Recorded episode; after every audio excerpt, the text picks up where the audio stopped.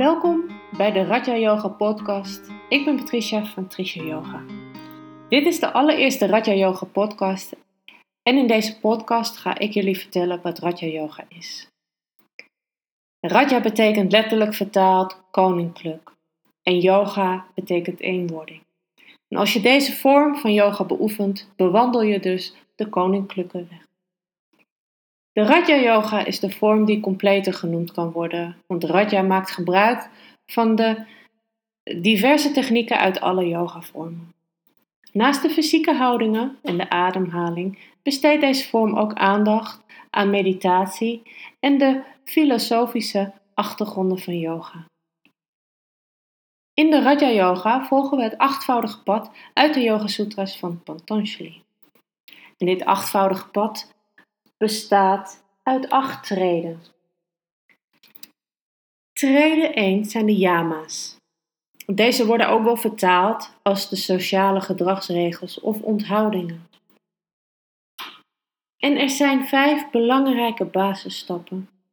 En de eerste van die vijf belangrijke basisstappen in de yama's is ahimsa.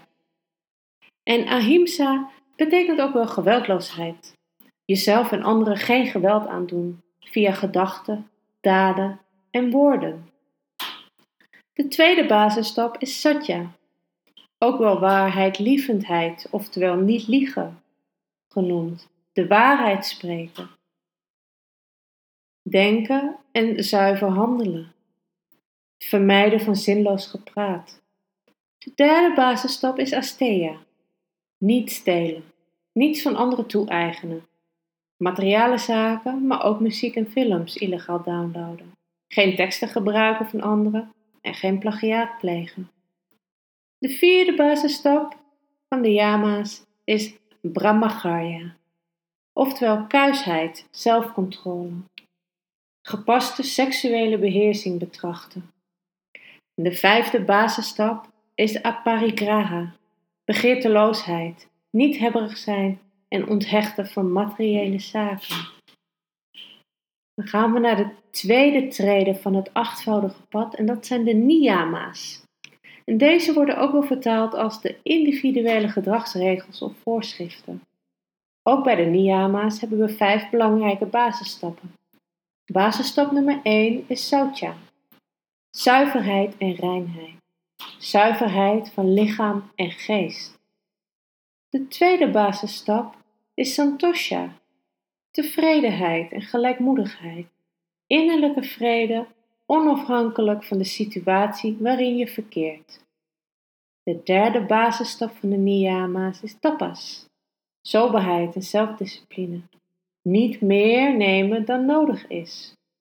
Zonder enig zelfzuchtig motief werken, zonder hoop op beloning. De vierde basisstap is svatiyaya, Zelfstudie. Speurtocht naar je eigen diepere zelf. Zelfstudie betekent naar binnen kijken.